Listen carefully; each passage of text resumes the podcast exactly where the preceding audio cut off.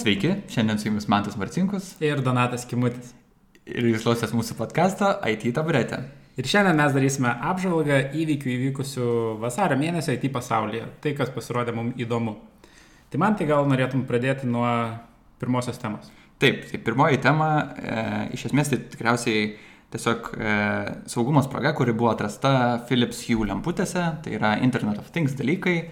E, tai reiškia, kad sugebėjo žmonės e, prie saugiai veikiančios sistemos atjungti vieną lemputę ir prijungti netikrą lemputę mhm. ir užimti visą Wi-Fi tinklą. Tai įsivaizduokim dabar, Donatai, čia aišku klausimas tavo nuomonė, kaip tu pats jaustumėsi, jeigu turėtum e, daug dalykų namie prijungtų prie interneto, tai lemputės, e, kokios žaliuzės, spynos, kurios dabar yra populiarios pakankamai Amerikoje e, nežinau, nu, visokie kitokie dalykai, kurie prijungti, šaldytuvai, tarkim, irgi prijungti prie mm. Wi-Fi tinklo ir juos visus galima būtų užgrobti. Kaip tu pats jaustumai tai, dėl to? Jausčiausi tai fainai visų pirma, kad turėčiau tokius dalykus. Bet šiaip tai iš tikrųjų yra bėda, kad e, nėra labai saugus tie dalykai ir, ir yra daug spragų ir iš tikrųjų kaip populiarėja, nu, kaip pats sakė, Lietuvoje gal ir nėra taip populiaru, bet, bet žmonės, kurie daug tų dalykų turi, tai nėra labai jau saugu ir tarkim duris, kurios atsidarinėja, nu, tai nelabai. Ja, įsivaizduokim, kad čia lemputę pakeitus, tai, nu, tavasme, užimti galima visą tinklą ir galima ką nori mm. daryti su juo, tai įsivaizduoju, kad galima taip pat prieiti prie durų ir atsirakinties, bet kada kas būtų nu, žiauriai nefaina, tavasme, galbūt dėl to žmonės bijotų pradėti eiti ir galbūt dabar ir bijo iš tikrųjų po truputį imti tokius dalykus, kurie yra visiškai naujoviški ir dar va tokios naujienos, tai šiek tiek išblaško, tarsi. Nu jo, o gal pažįsti bent vieną žmogų, kuris turi Philips lemputę? Aš turiu Philips lemputės ir šiaip tai labai džiaugiuosi jomis, nes vienas dalykas galima užsiskedžiulint, e, kad tave pažadintų šviesa, kas yra, tausme, ir moksliniai tyrimai ir panašiai, sako, kad daug geriau yra, kai tu pati būni nuo natūralios šviesos, mm -hmm. nu, tarkim, tai jau šviesa, kad... O veikia normaliai? Jo, veikia, tausme labai puikiai. Ir vienas dalykas, kas fainiausia, yra, kai tu grįžti namo, kai tu būni netoli visiškai namų, tai lemputės įsijungia namuose kas mm. yra faina. Nu, tu, tu grįžti namo, tau ne pačiam nereikia ieškoti jungiklio. Aš pasės namie, tiksliai nežinau, kuris jungiklis jungia šviesas, jo kurią lemputę, bet, nu, tipo, veikia, tai faina. Tai žodžiu, e, tai gerai, tai galbūt naikim nuo saugumo dalykų, buvo daugiau jų, bet e, mes nesame labai, labai profesionalai, tai ne, nekalbėsim ten tokiam sunkesniam temam. Mhm. Eikim prie programavimo kalbų. E, galbūt turėsim e, dabar ateinančiuose podcastuose aptarsim tiesiog trumpai, galbūt pasakyti, paminėsim, kokios versijos naujos išėjo kalbų, kurias pažiūrėjom ir kurias pastebėjom. Tai vienas iš jų, tai pirmoji, tai yra TypeScript nauja versija 3.8, labai daug naujų feature'ų išeina, neminėsiu visų, galima pasieškoti. E, Golangas 1.14 išėjo, aš pas programuoju Golangu, dažnai pavadinkim. e, tai, tai ten yra naujų performance e, pakeitimų, tai visai verta pažiūrėti ir apsidėti dėl to, kad backwards compatibility bent jau gau labai gerai laiko. Mhm. Tada... Tai ši, man ši, šiaip įdomu, nes aš su gau neprogramuoju. Iš esmės, jeigu paupdėtinė versija į naujesnę, Tai daug reikia kažką pakeisti ar ne? Nu, Dažniausiai ne. Dažniausiai labai, nu, pasme, bent jau, nu, yra rimtesnių update'ų, ten buvo iš 1.08, 1.10, nu, tos tokių šuolinių, gan ten pasikeisdavo package ir panašiai, bet backwards compatibility tai išlaiko gan neblogai. E, mhm. Aišku, yra planuojamas antra versija, Go, tai ten bus tikriausiai daug breaking change ir ten bus daugiau migracijų ir panašiai. Bet šiaip tai labai taip, stabiliai auganti kalba, tai pavadinkim, jie taip ir žiūri visi. Mhm. Bet jau communities visas. Kitas update'as, praeitą kartą minėjom, kad 2.7 Python versija yra decommissioninta ir jau viskas. Tai dabar išleido naują Python versiją 3.8.2 ir tada dar išėjo nauja Rasto versija 1.41. Tai tiek. Ir Donatai dar vienas dalykas, kas išėjo, arba tiksliau, kas pasikeitė Tai pasikeitė dar vienas dalykas, praeitą apžvalgą kalbėjome apie Windows 7 end of life fazę, tai dabar pasirodo .NET Core trečias jau pasiekė savo gyvenimo pabaigą, kas yra visai įdomu, nes jis nebuvo taip seniai išrelysintas. Pirma... Bet čia mes kalbame apie trečią versiją, tai ne... Aš jo, paminėsiu, kad čia trečia 3.0 versija, taip. Ir jinai buvo išrelysinta oficialiai tik tai praeitų metų rugsėjo mėnesį. O šių metų kovo trečią dieną jau jinai bus e, nustumta į tą gyvenimo pabaigos fazę, kur nebegaus jokių security update. Ir iš tikrųjų Microsoftas rekomenduoja updatintas į 3.1 versiją, kuri yra long time supportas, kas reiškia, kad bent jau 3 metus su šita versija neturėsite jokių problemų. Oho, bet čia toks geras šuolis. Iš 3 nieko, 3.1 jau yra long time supportas. Kas. Jo, bet jie šitą buvo iš tikrųjų paminėję jau gan seniai, kad e, trečia versija labai tikėtina, kad pirma versija, kuri išeina, turės nemažai kažkokių bugų iššūsų, jie tada mm. išleidžia patchą, kuris tampa 3.1 ir tai būna long time supportas. Tai va, tai mm -hmm. apie korą turbūt tiek. Taip, tai toliau kitas dalykas, ką aš norėjau paminėti, tai yra nu, čia galbūt su reguliaciniais dalykais išėjęs dalykas yra, tai e, Markas Zuckerbergas e, pasisakė e, Berlyne, kad nori ir reikalauja tiksliau, kad valstybės prisimtų daugiau taisyklių, įstatymų ir reguliacijų susijusių su kenksmingų turinių internete. Tai mhm. Tai reiškia, kažko tai kažkas atrodo valstybėm arba valdininkam, kad tai yra kenksminga, tai turėtų priimti įstatymais valstybės ir tada Facebookas turėtų, nu, arba kitos socialinės platformos turėtų sekti jomis, o ne pats nuspręsti, kas yra blogas turinys ir kas yra geras turinys ir paskui gauti baudų už tai. Mhm. Tai čia įdomus dalykas yra, kad iš tikrųjų, bent jau mano nuomonė atrodo, kad, nu, iš tikrųjų taip ir yra. Dabar e, Amerikos senatas reikalauja, kad Facebookas prižiūrėtų savo turinį ir ten e, melagienas visokie sektoriai ir panašiai, nors iš tikrųjų tai labai sunku yra e, tuos nuspręsti Facebook'ui, kas yra melaginga, kas yra ne, kas mm. yra žodžio laisvė ir kas yra ne. Tai kad ne Facebook'as turėtų nuspręsti, kaip riboti žodžio laisvę, bet turėtų visa valstybės, kurios nori tų dalykų siekti, turėtų pačios iš tikrųjų tą nuspręsti. Tai aš su juo sutinku, aš suprantu dar, kad tai yra nusisukimas nuo atsakomybės daug maž, nes aš, nu, tipo, jūs nenusprendžiat, žodžio laisvė yra žodžio laisvė, kas ką nori, tas tą šėrina.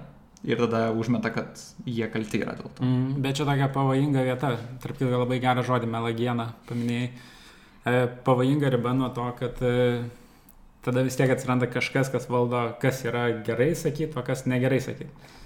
Tai šitoje vietoje aš kaip ir gal net palaikau tą versiją, kad nelabai nori Facebookas to daryti, bet turbūt čia turėtų kompromisuoti ir kažkaip įtraukti visą visuomenę. Bet, bet vėl čia...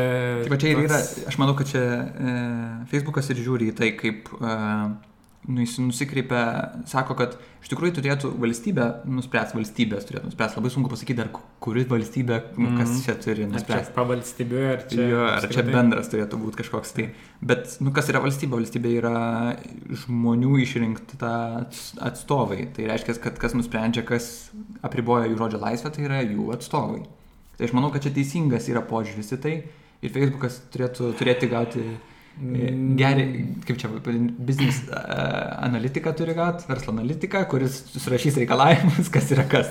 Ir čia žiauriai sunku tą padaryti, manau. Tiesiog, nes čia...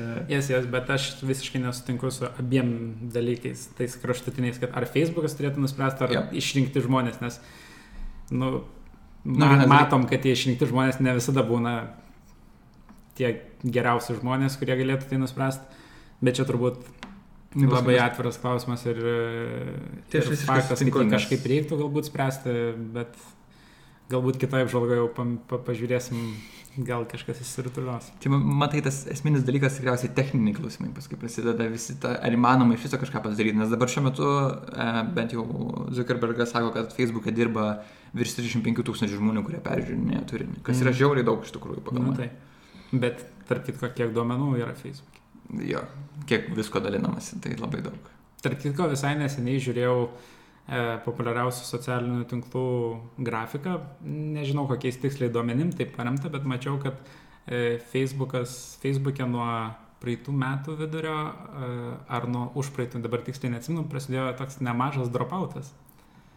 Tai Facebookas labai ryškiai mažina savo userių gretas. Čia jokinga, bet tada perina į kitus socialinius tinklus, pavyzdžiui, Instagramas, kuris irgi yra. Ne, bet aš net nežinau, Instagramą, jo, bet Instagramas turi labai konkretų, e, konkrečią paskirtį. Dalintis nuotraukom. Taip, taip. Na, nu, arba video, kur dabar labai ir promautina nemažai, kad tada yra Twitteris, kuris iš esmės yra nuomonių forumas. Taip. O Facebookas tai toks visko mišinys yra ir, ir ten labai nemažai triukšmo ir kad tą triukšmą išsivalyti ir kad matytum tik naudingą tavo informaciją, tai reikia gan nemažai su to Facebook'u dirbti. Ja, bet čia tada iškart paliečia tos dalykus, kurių tu negali valdyti, pavyzdžiui, sponsored messages, nu, tipo, A, taip. atsus, reklamas Taip. ir panašiai. Tai va, čia, čia didžiausia problema yra, kur Arba bandai tas spręst. jausmas, kaip pagūglini barzdaskutį ir tada Facebook'e įėjęs jau ten metą. E, gerai, e, tai čia, aišku, dabar paminėjau melagenas, tai gal iš karto ir eisiu ten, prie ten, kur e, kas naujo Lietuvoje arba ką Google'as pristatė, tai demaskok.lt puslapį, kas aš manau yra nu, didelis pripažinimas, nors ir Google'as pats rėmė demaskok.lt, bet tai yra didelis pripažinimas Lietuvos e, kovojime su, su va, tom pačiom melagienom. Taip. Tai įdomus dalykas, aš tiesiog pasiskaičiau, ką jie daro ir panašiai.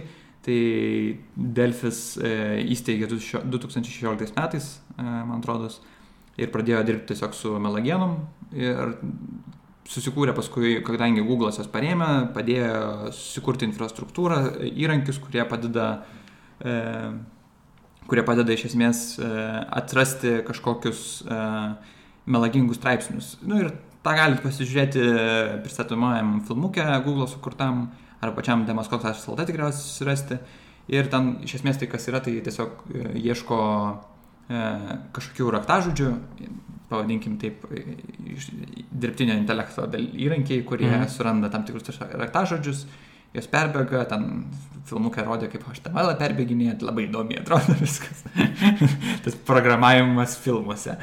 E, tai, nu, ir tiesiog tada suranda, tada kas, kas būna, kad jeigu kažkokį praeina ribą, kur pasako, kad galbūt tai melagena, tada Lietuvoje sėd- sėdintis arba kažkokie žmonės, kurie dirba su informacija, elfai vadinasi, ir jie ten, nu, tavas netyrė šitos dalykus Taip. ir įvertina, ar tai yra melagena ar ne, ir rašo kontrastraipsnius ir panašiai. Nu, įdomus dalykas tiesiog. Bet vėl e, vienam filme girdėjau tokią frazę, kad tiesa yra subjektivus dalykas. Ir šiaip sutinku su to, nes kiekvienam žmogui gali tiesa atrodyti skirtinga.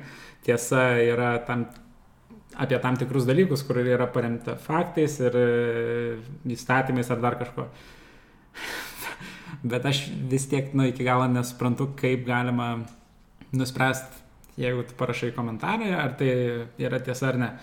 Faktas, kad yra ten propagandų, leidimo ir taip toliau, kur kaip ir galima tą atskirti, bet vėl čia man tokia labai slidi riba, bet nepradėkim vėl tos diskusijos. mes mes Šiaip- labai ly- įlysim į politiką, Jo, jo, jo, o ne naujienas bus. Taip, bet smagu, kad lietuviai yra minimi tokiam kontekste ir dar ne bet ko Google. Jo, labai faina, tikrai. Tai, nu ir tada paskutinis dalykas į tą pačią duomenų saugą ir panašiai. Tai e, 2019 metais lapkritį e, Google'as paskelbė, kad nori pirkti Fitbitą ir čia nėra naujiena kaip po tokia, nes tai 2019 metų lapkritis. Bet e, vasario mėnesį Europos duomenų apsaugos komisija paskelbė, jog e, bijo dėl Fitbito vartotojų, kurių yra apie 20 milijonų, kažkas tokio, Mhm. e, duomenų apsaugos. Tai reiškia, kad Google'as nusipirks ne tik tai Fitbitą kaip technologinę įmonę, bet ir jų duomenis, kas iš esmės čia susijęs su vis, vėl su tas pasiai Internet of Things, bet ir panašiai, kad nu, Google'as labai daug informacijos apie žmogaus buvimo vietą tada randa ir jo duomenis ir panašiai. Tai čia tiesiog toksai neraminantis dalykas, manau, kad dabar bent jau atrodo, kad labai daug, be, kaip čia, e, pasipriešinimo gauna iš tų reguliacinių įstatyminių, įstatyminių e, organų Europos Sąjungoje, tikriausiai ir Amerikoje ir panašiai, kad va, toks didelis gigantas nori nusipirkti ir kitas įmonės, kurios dar padeda šiek tiek sekti vartotojus. Tai toks, va, daug tokio pastaruoju metu vyksta judesio šito. Tai va čia man atrodo kyla klausimų žmonėm, kas yra, kas, ir, kas esu aš, kokie mano duomenys internete yra. Bet čia per daug nelendant į tuos politikavimus, tu manęs klausai apie IoT, tai aš tas irgi paklausiu apie tuos dalykus. E, Įmonės, kurios turi pas save daug informacijos, kaip manai, jos daro ten ką nors blogo? Šiaip tai, nu, kaip, nu, tas aš kaip programuotojas galvoju, ką tu blogai gali sugalvoti. Nu, vienintelis dalykas, ką tu, e, kaip, kaip galima tos duomenys išnaudoti, jeigu taip žiūrint abstrakčiai, žiūrint ne kas tu specifiškai esi, mhm. bet, nu, vat, kad tavo amžiaus, lyties, nu, prasme, grupė daro tam tikrus dalykus ir tau pradeda siūlyti kažkokius personalizuotus dalykus. Nu, barzdaskutės ieškoti. Taip. Tai, vat, tai aš manau, kad tai yra naudinga, tik tai, kad tai nėra tobula. Nes dabar, kaip ir pats sakėjai, E, tai kad tu paguglini ir tada tau siūlo, bet gal tu jau nusipirkęs esi. Mm. Tai toksai nulėtas tas ciklas turėtų tau pasiūlyti prieš tau sugalvojant, kad tu nori iš tikrųjų. Tai va čia būtų naudingas dalykas. Bet manau, kad yra, nu, yra riba tikriausiai tarp to laisvės, kurią tu pasirinkai ir kurią tu atiduodi kažkokiai kompanijai už tas paslaugas nemokamas, kurias tu gauni. Ir čia kiekvienam nuspręsti, ar tai yra priimtina duoti savo duomenis ir dabar klausimas, ar kažką kažkam blogo, tai tikriausiai, kad nu, nelabai išeina. Mm. Tuosme, yra, bent jau aš nesugalvoju kažkokio blogietiško plano. Nu, galima, aišku, tą informaciją pardavinėti tam tikroms įmonėms, kurios kažką pardavinėja arba siūlo. Nu, bet, vat. Jo, aš gal nesiplėtosiu čia irgi per daug, bet tarp kitko su Fitbitu E, tai turbūt faina būtų, jeigu jie iš tikrųjų išdirbtų ir labai normaliai e, suintegruotų tos pasiūlymus, tarkim, tu turi Fitbitą, nelabai mankštiniesi daug ir mato, kad tu neaktyvus ir plus labai daug McDonald'o googlinė ar, nu, eini į McDonald's. Tai, tai ir tau tada pradėtų mesti kokias bėgimo treniruotės, kaip, kaip nu, ECUS arba... Planuot tavo kažkokį judesį ir panašiai. Judėjimą. Širdies jo problemų, lygų aprašymą. Anyway. Toksai, aš manau, kad šiaip tai, nu, tas per išgyvenimas, kad tai yra blogai, yra blogai, bet nu, ta, čia jau kiekvienam pasirinkti, vėlgi, kas yra tavo laisvė ir kaip tu ją nusprendži. Nes yra pilna laisvė pasirinkti, kad tu neduodi duomenų. Mm. Tiesiog. Taip. Tai va, o dar tada tęsiant e, šiek tiek, tai susijęs dalykas, kad tave persikėjo ir panašiai, išėjo nauja Firefox versija, pats nebandžiau, bet atrodo bent jau smagiai tam tikri dalykai Android'e. E tai keli featureai, tai yra, kad visiškai išjungtas e, socialinių tinklų e, trackeriai, tai reiškia, kad tave sekioja, kur tu vaikštai per internetą, tai labai faina, cross-site cookies, tai irgi kurioje vietoje tu vaikštai, kur esi internete, kad nesidalintų šitą informaciją, tai labai faina, nes vienas dalykas greičiau kraunasi puslapį ir panašiai. Ten tabų, tabai su kolekcijom, kad galima daug, nu, atsidaryti skirtingų tabų skirtingų metų. Labai smagu, aišku, Darklight teamas. E, Ir dar vienas patogumas, tai tikriausiai yra, kad su, kai didelis telefonas, bet aš neturiu, Donatas turi pakankamai didelį telefoną, bet galima e, visą, kaip čia, e, funkcionalumą barą nusileisti į apačią, kad būtų lengviau pasiekiama ir panašiai. Atrodo naudingas dalykas, e, saugumai irgi pakankamai daug. Tai... Gerai, tai kalbant toliau, aš galiu papasakoti apie vieną įrankį, kurį užmačiau e, .NET'o e, developerių blogė. E, pavadinimas yra .NET Interactive, jisai pasikeitė, prieš tai buvo .NET Notebooks ir manau, kad visai naudingas dalykas, ne tik, tai galiu trumpai papasakoti, kas tai yra, tai yra e, web naršyklė beisintas e, desktopinis įrankis, arba galima tiesiog web naršyklę tai daryti. E, Ir iš esmės tai rodo kairėje pusėje dokumentacija kalbos ar technologijos, kurią tu nori mokintis, e, o dešinėje pusėje tau leidžia rašyti kodą. Mhm. Arba duoda kažkokius kodo snipetus ir leidžia kažką su jais bandyti daryti arba pataisyti. Kas yra visai faina ir .NET Interactive palaiko C Sharp, F Sharp ir PowerShell. Mhm. Tai visai fainas dalykas, e, šiek tiek reikia pasikonfigūruoti savo kompiuterį, jeigu norit įsirašyti jį. E, pats neišbandžiau, bet e, žmonėm, kurie vis galvoja kažką pabandyti padaryti su programavimu, gal visai ir neblogas variantas. Tai va. Tada sekanti. Čia aš dar pridėsiu tiesiog, mm. Go irgi turi panašių puslapių na, tos Go tutorialai, kur irgi vyksta panašių principų iš esmės. E, tu šiaip tai gali tikriausiai parsisiųsti viską ir pasileisti pas save panašių dalykų ir gali mokytis. Va, tokį, va, panašus principas, kad vienoje pusėje dokumentacija, kitoje pusėje kodas, kurį tu rašai ir kuriuo tu kažką bandai pasiekti. Tai toks naudingas atrodo greitai, įtaru, besiteruojantis ir panašiai. Mm. Tai šiaip panašus principas nemažai ir webinių tų mokyklų vadinamų mm. yra. Tik tiek, kad kai kurios iš jų yra mokomas. Tai va, tada sekantis dalykas yra kodo dekompiliacija. Tai jeigu esate .NET programuotės, tai turbūt esate įpratę naudoti kažkokį dekompiliavimo įrankį, pavyzdžiui, kaip .pik, kuris, tarp kitko, yra nemokamas e, iš JetBrainsų. Ir, ir dekompiliavimas iš esmės yra tai sukompiliuoto kodo, kuris jau yra paruošiamas dėgymui į kažkurią aplinką, e, pavertimas vėl skaitomų kodų. Ir Visual Studio neturėjo tokios galimybės iki šiol, bet dabar turi ir, ir čia jie labai giria šitą galimybę, rašo, kad viską galima padaryti, išmeta tam tikrus langus, kur tu gali pasirinkti, e, jeigu ir nėra PDB failų ir vien tik iš DLL. Tai čia viskas sounds very fancy and fun, bet tada nuklydau iki, iki komentarų e, skilties ir čia ne tokie kaip Delfo komentarai, čia normalių žmonių komentarai. Tai iš tikrųjų žmonės nepatenkinti. Aha. Nepatenkinti, nes sako, jog, nu, turbūt yra nelabai faina, kad tu parašai kažkokį kodą, kuris galbūt tampa produktu ir tada leidžia labai lengvai pasižiūrėti tą kodą ir galbūt net nebepirkti to produkto, o pasidaryti savo kaip ir library.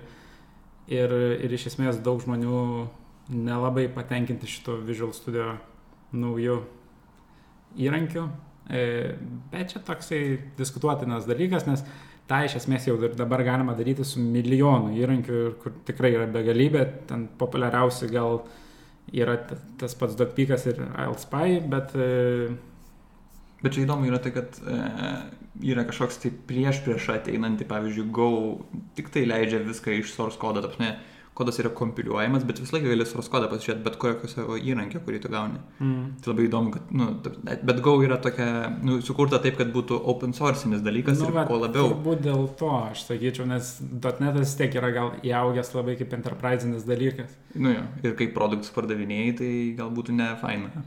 Jo, nu, aišku, dabar, vat, turbūt aš įsivaizduoju, kai darė va, tą dekompiliavimą, tai vis tiek .NET'as juda į .NET Core ir to nebeliks paprasto frameworko, tai Tai turbūt jie su tą mintim tai daro, bet susilaukia nemažai ir firebacko, tai visai įdomu. Pripras. Tai jie. Man tai patinka. Tikrai dar grįžtant vis tiek prie, kaip čia, Microsoft dalykų, tai E, Microsoft išleido naują Windows Terminal e, versiją 0.9. Tai aš nustebau šiaip, kad dar išleidinėja pas Microsoftas savo kitokį terminalą nei kažkokį, nu, mm. nei tas CMD paprasta, nes man tai labai nepatogus ir baisingai ten šlykštus yra šiaip, e, nu, tas neveikia, bet tik tiek. E, tu, Donatai, kokią naudoji? E...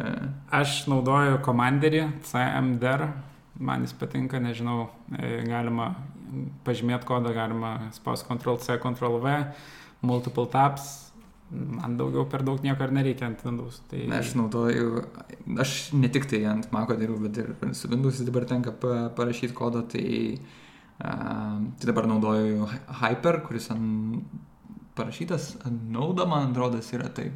Mm. Tai visai smagu, kad tu gali pluginus rašinėti, žmonės rašo ir tai, nu, tos visokių uh, aišku, pačiam, kai pradedi dėliotis, ten neveikia kažkas, dar kažkas užtrunka, bet man tiesiog faina, kad iš tikrųjų, kai pasižiūrėjau bent jau paveiksliukus, nors nu, kaip atrodo tas naujas terminalas, tai atrodo kaip iš tikrųjų normalus, pilnas terminalas, kokio aš norėčiau. Mm. Ir tai, tai integruota į Windowsus ir tai gali būti, kad su Windowsus pradės čipinti. Taip. Tai faina, na, tas, ne, bent jau pilnas toks normalus terminalas. Būtų. Ar esi naudojęs Visual Studio Code terminalą?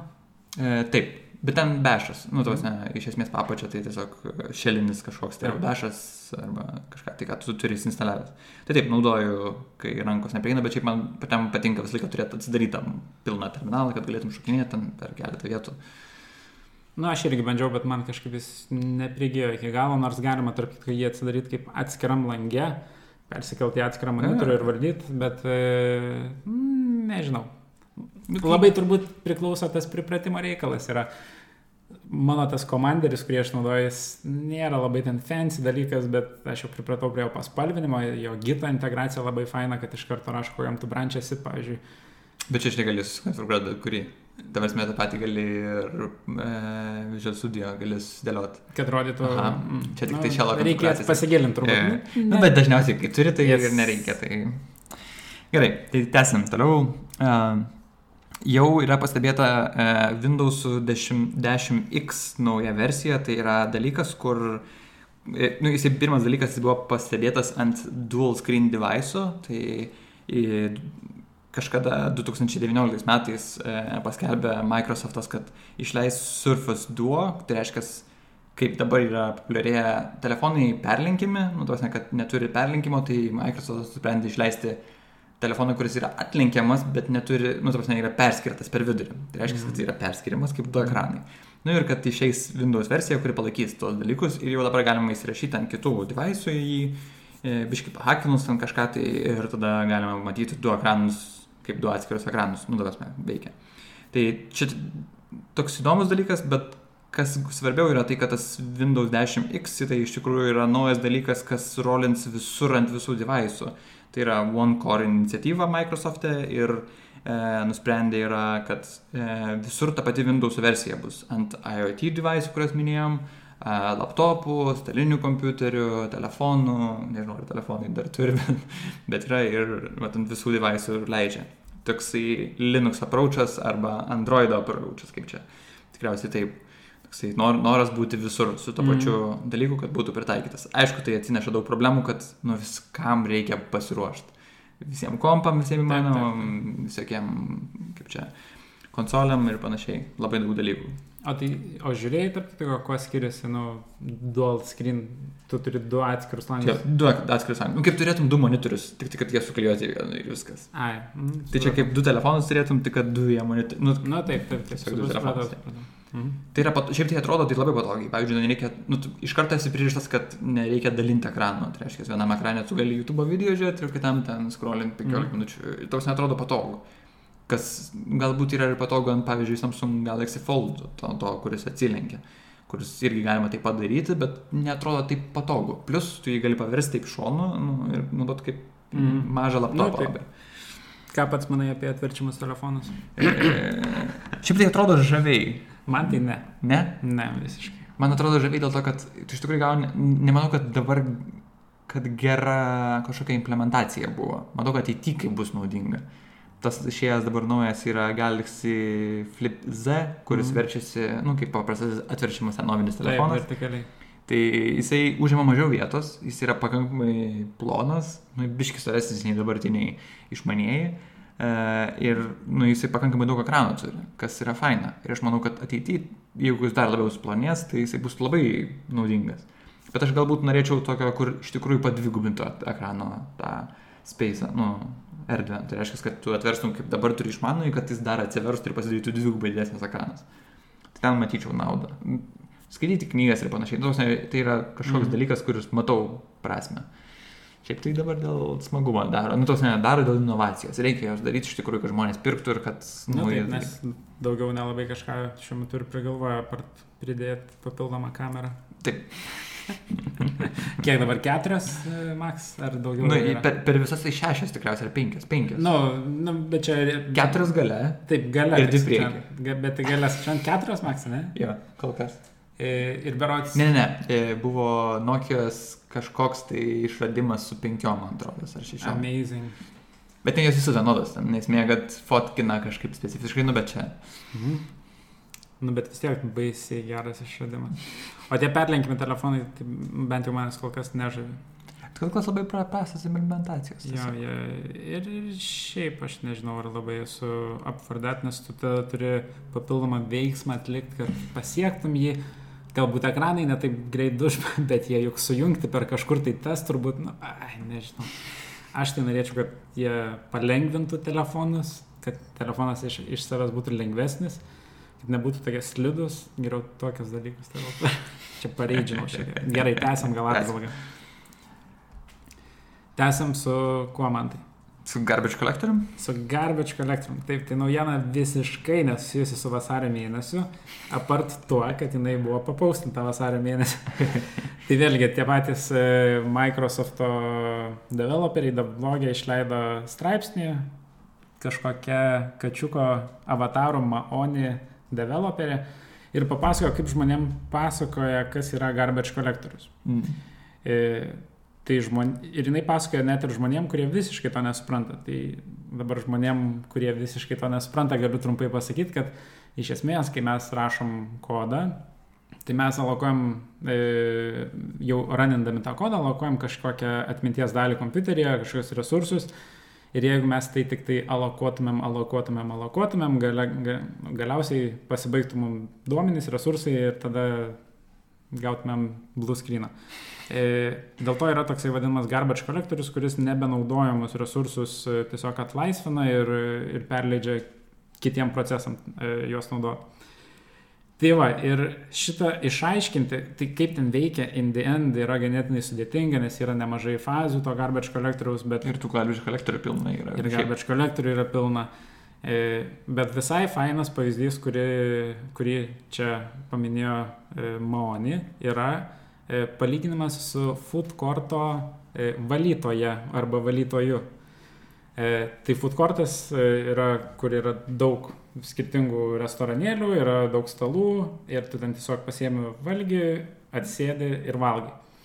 Na nu ir tada yra kažkoks kiekis švarių indų ir yra tų padėklų švarių kažkoks kiekis. Mm. Ir yra valytojai.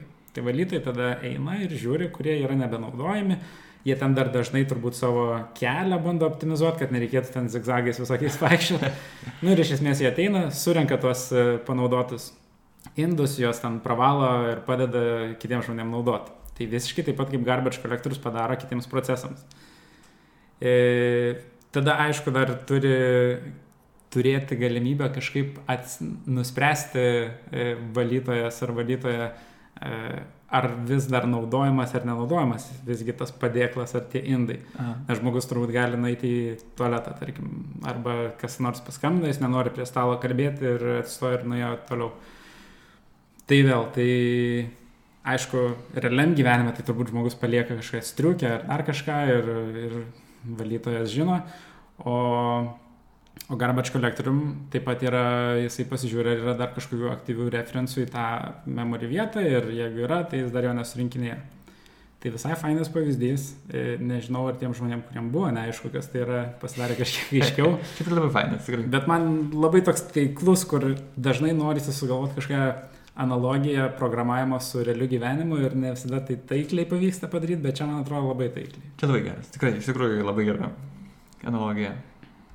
Tai va. Ir, ir tada norėčiau dar vieną dalyką, e, čia tokį kaip ir kvizą galim padaryti su Mantu dar. E, pažiūrėjau, koks klausimas buvo populiariausias e, Stack Overflow vasario mėnesį, tai yra, kuris susilaukė daugiausiai apvautų ir peržiūrų. Ir klausimas skamba taip. Kodėl skirtumas tarp kovo 1 ir kovo 30 dienos 2020 metais yra 28 dienos, o ne 29 dienos?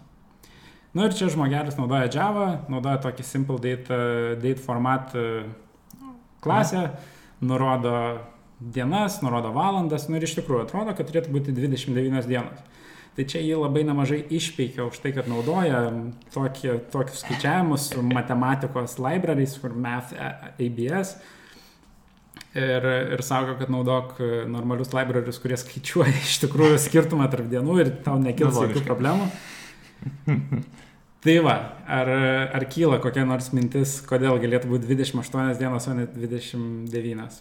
Mm, skirtumas tarp kovo 30 ir kovo 1. Ir kovo 1. Nu, man, aš tai kadangi nematau kodo, tai man klausimas būtų, kaip, nu, tipo, kaip jis rašo. Laiko zonas nėra. Yeah, man kaip įdomu, ar rašo mėnesio skaičių, ar tai yra antras mėnuo, ar... ar... Trečias. Trečio, pirmo, trečio, 30. Mm. 0,000 valandas.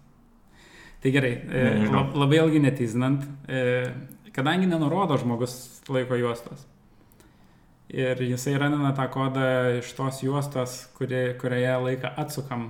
Aha. Tai tarp šių dviejų datų yra 23 dienos, 28 e, dienos ir 23 valandas. Kadangi žmogus ieško dienų, tai jam duoda 28 dienas. Tai čia dar viena tokia pamokėlė, kur turbūt reikėtų naudoti, jau jeigu dar skaičiuojat taip valandas ar dienas su matematikos libraries, tai naudokit UTC laiką. Nerankom, žodžiu, atiminėti reiksų. šiaip tai turbūt nerankom reiktų atiminėti. Nu gerai. Tai va, šiaip visai įdomus. E, Aha. Paustas. Nu, ar dar ką nors turime, Donatai, šiandien? Gal ir nebeturime. Tai gerai. Tai tada ačiū klausytėm, kad klausėt. Taip, aš irgi dėkoju, tikiuosi buvo įdomu ir susitiksime kitą kartą. Taip, iki. Iki.